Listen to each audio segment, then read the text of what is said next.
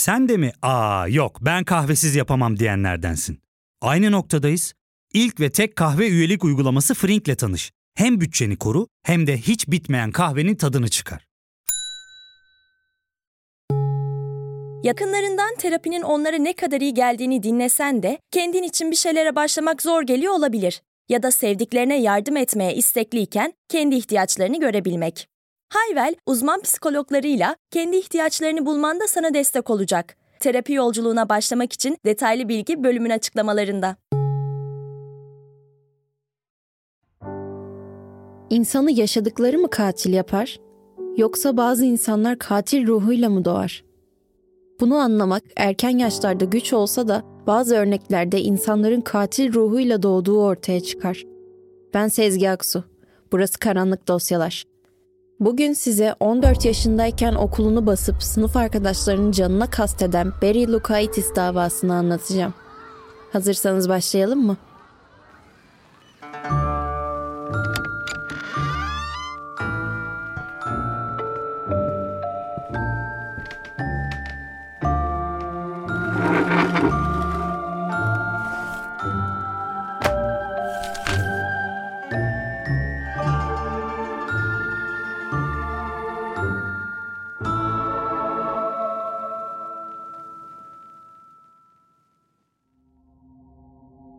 Washington eyaletine bağlı Moses Lake şehrinde yer alan Frontier Lisesi'nde ikinci sınıfa giden Barry Lokaitis, 2 Şubat 1996 sabahına uyandığında hayatındaki hiçbir şeyin aynı kalmayacağını biliyordu. Anne! Baba! Hey kimse yok mu?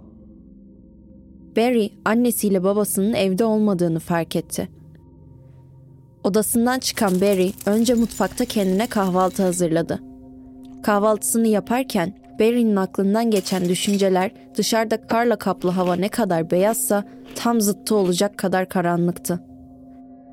Kahvaltısını bitirip bulaşıkları yıkadı ve boşanmak üzere olan ebeveynlerin yatak odasına çıktı. Babasının birçok ruhsatlı silahı olduğunu biliyordu.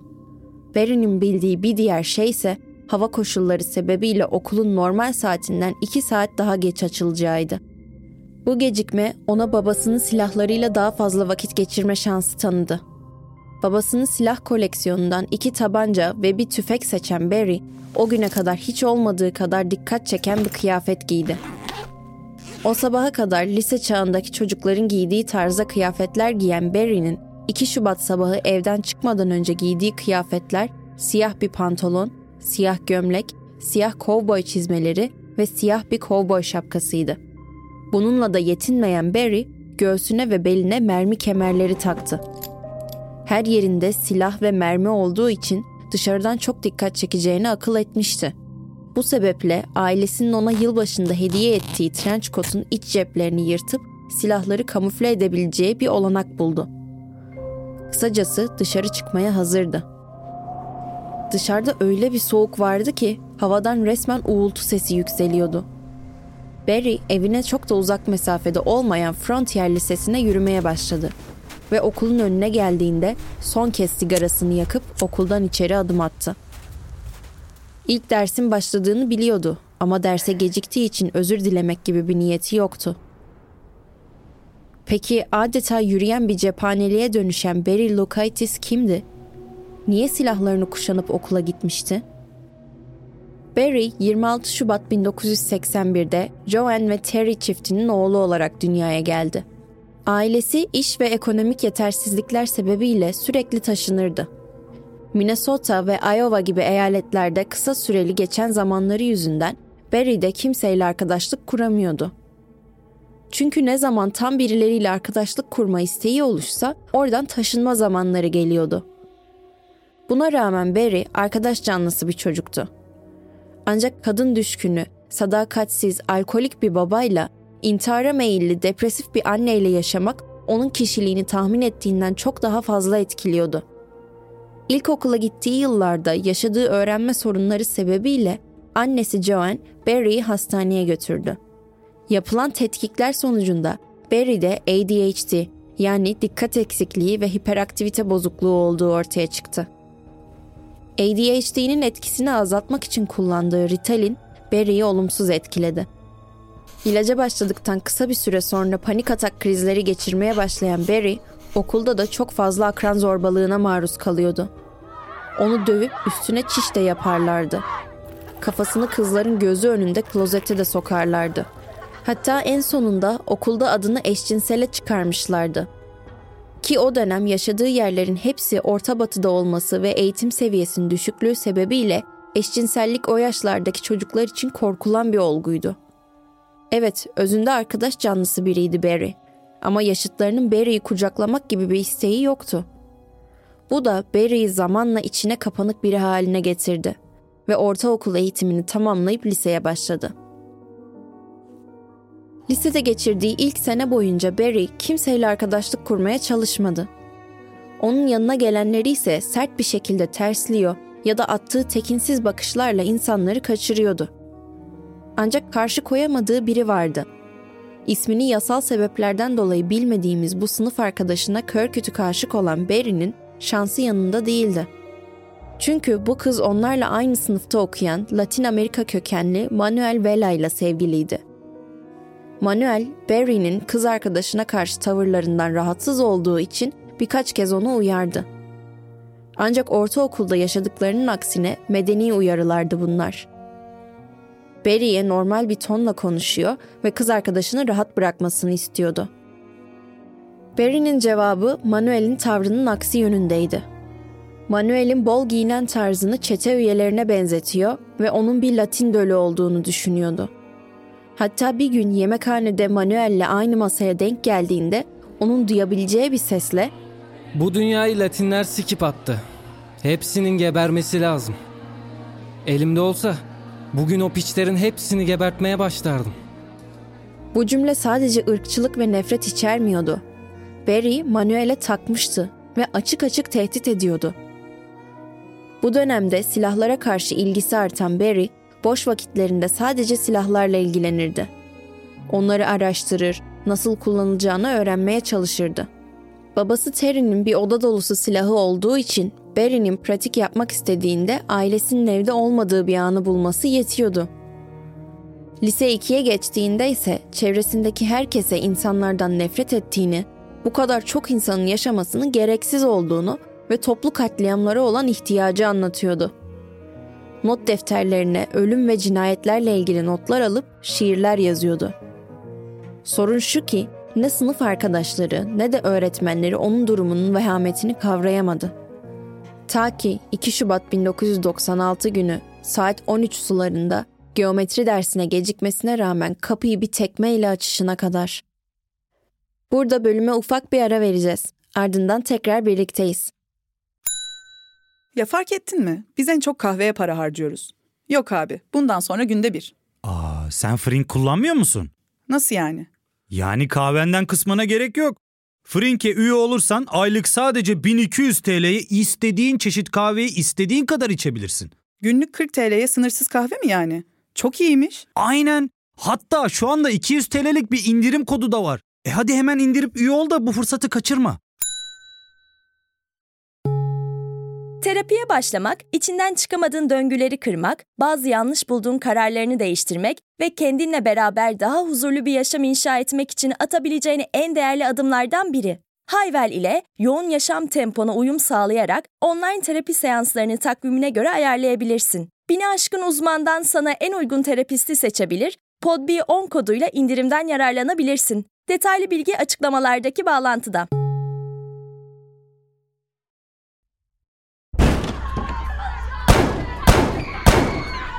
Derse geciktiğim için kusura bakmayın hocam.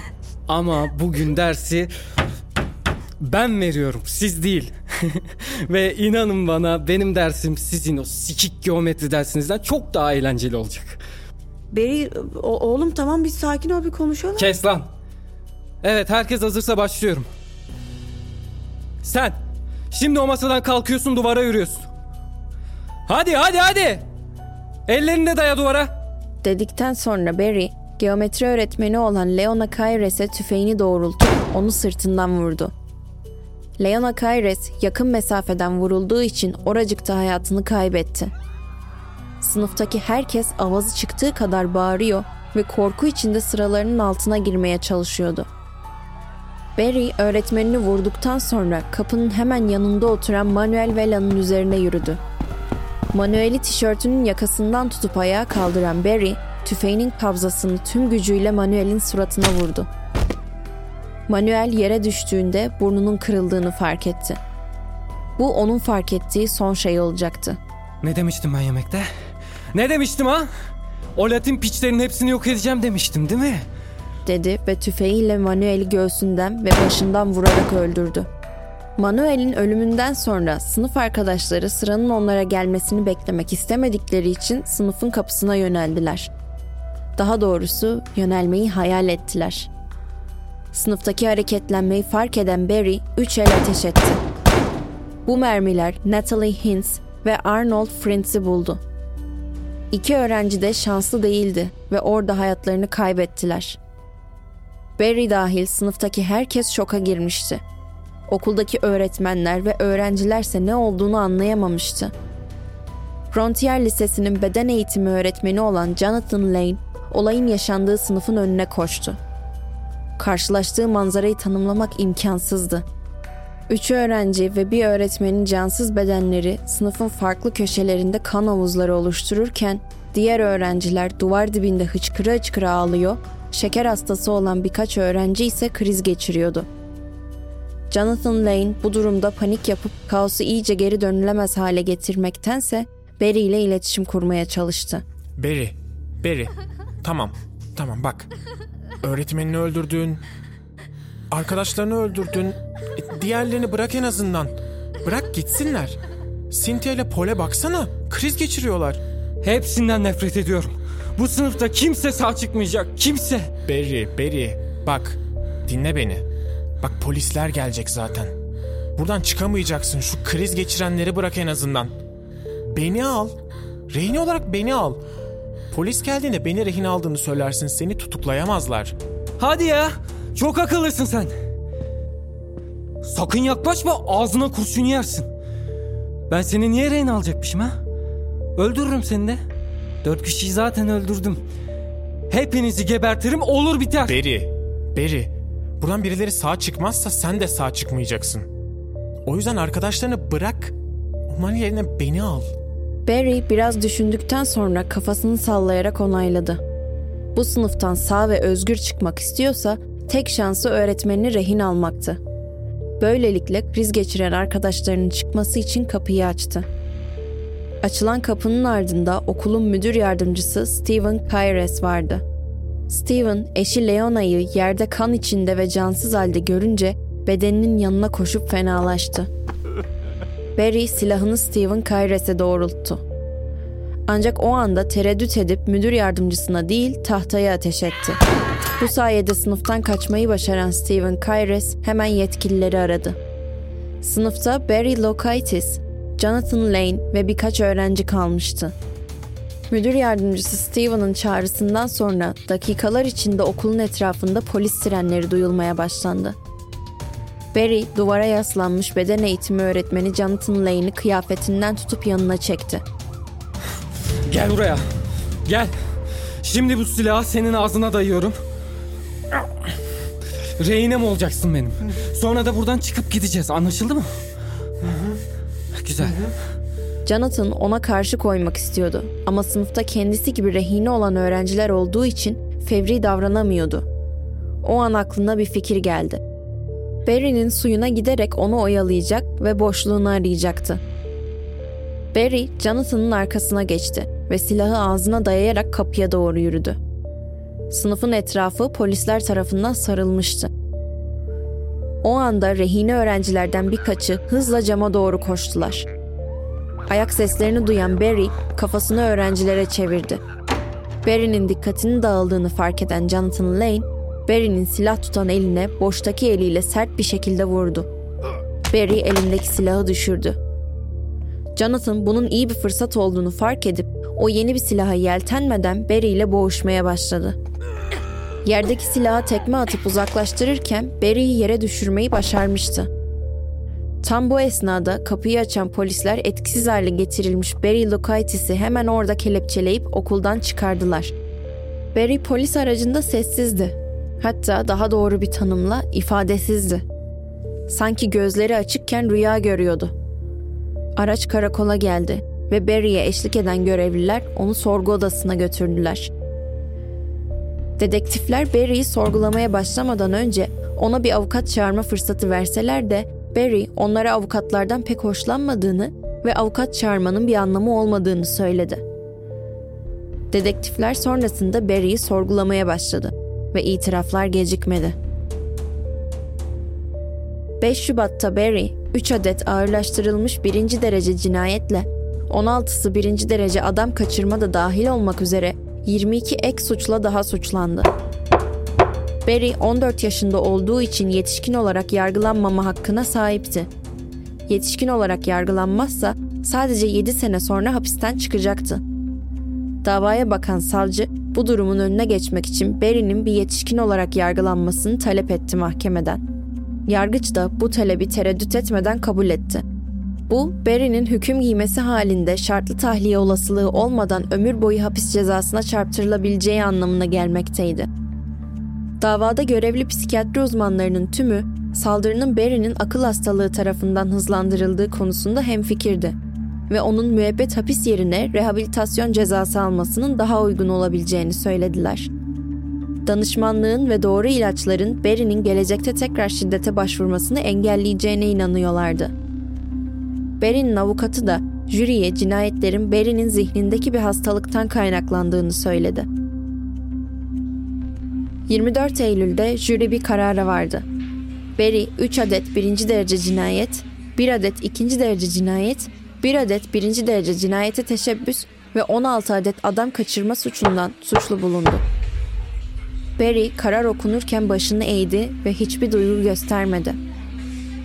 Yargıç Barry'i iki kez müebbet ve 205 yıl hapis cezasına çarptırdı. Ancak 2012'de Amerika Birleşik Devletleri Yüksek Mahkemesi yeni bir karar aldı. Bu yasaya göre suç işlediklerinde 16 yaşından küçük olan kişiler şartlı tahliye imkanı olmaksızın müebbet hapis cezasına çarptırılamazlardı. Böylelikle Barry'nin cezasının yeniden belirlenmesi için bir duruşma yapılması gerektiği ortaya çıktı. 2017 yılının Nisan ayında Frontier Lisesi katliamından 21 sene sonra Barry Lukaitis hakim karşısına çıktı. Dört insanı öldüren, sınıf arkadaşlarını yaralayan lise öğrencisiyle hiçbir benzerliği kalmamıştı. Uzun sayılabilecek siyah saçları gitmiş, yerine kısa saçlarına hapishanede geçirdiği yıllarla beraber beyazlar gelmişti. Mahkemedeki ilk sözleri Yaptıklarım için, çocuklarınızı sizden kopardığım için hepinizden özür dilerim. olmuştu. Yorgun ve pişmandı. Gözlerinde umuda dair hiçbir belirti yoktu. 2 Şubat 1996 sabahına uyandığında hayatındaki hiçbir şeyin aynı kalmayacağını biliyordu. Ama bunu yaşamaya hazır olmadığı aradan geçen 21 yılda belli olmuştu. Cinayetleri neden işlediğini ilk kez o gün itiraf etti.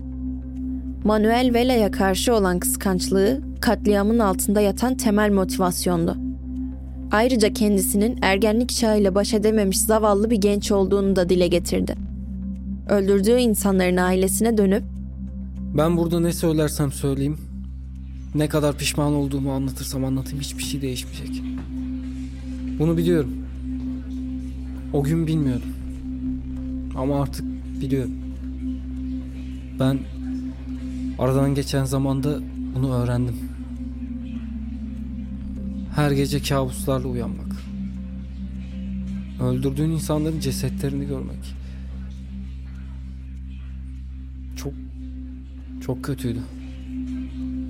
Gerçekten hepinizden özür dilerim. Hiçbir anlamı olmayacağını bilsem de özür dilerim. demişti. Kurbanlardan bazılarının aile üyeleri onun söylediklerindeki samimiyetini görüp biraz da olsa teselli bulabilmişti.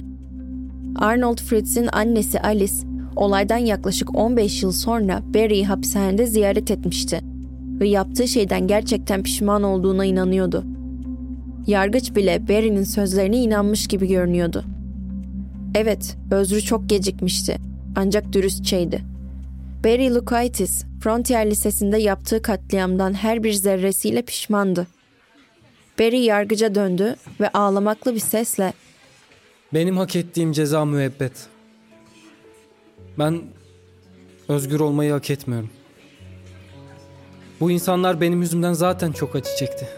Çocuklarının katilinin dışarıda rahat rahat gezdiğini bilerek nasıl yaşayacaklar? Ben sizin bana vereceğiniz cezalara itiraz etmeyeceğim Sayın Yargıç. Benim hakkımdaki kararınız neyse kabul ediyorum. Ama lütfen bu insanları tekrar tekrar mahkemeye getirip daha fazla acı çektirmeyin. Dedi ve sakin bir şekilde yerine oturdu. Yargıç Barry'nin konuşmasından etkilenip isteğini kabul etti ve Barry'e 189 yıl hapis cezası verdi. Evet, bazı insanlar katil olmayı sonradan öğrenirler. Bazıları ise katil olarak doğarlar. Ancak unutulan bir grup var. Katil olarak doğup yaptıklarının bedelini ödeyenler. Yine de özellikle Amerika'daki insanların kolaylıkla silah sahibi olup zihnen henüz tam olarak gelişmemiş çocukların bu silahları kolaylıkla ailelerinden alabilmesi Frontier Lisesi'ndeki olay gibi örneklere kapı açıyor. Barry hayatının geri kalanını hapiste geçirip kendi şeytanlarıyla boğuşacak. Moses Lake'te yaşayanlar ve Frontier Lisesi katliamında çocuklarını kaybeden insanlarsa Barry ne kadar pişman olursa olsun hayatları boyunca aşamayacakları bir yasla yaşayacaklar.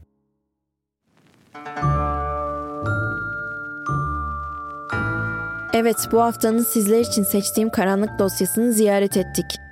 Bir sonraki karanlık dosyada görüşmek üzere. Kendinize iyi bakın.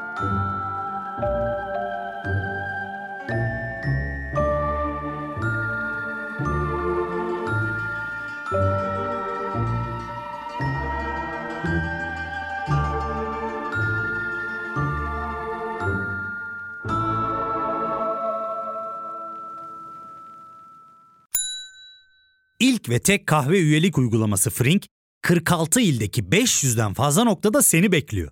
Açıklamadaki kodu girerek sana özel 200 TL'lik indirimden faydalanmayı unutma. Hadi sen de Frink üyeliğini başlat, kahven hiç bitmesin.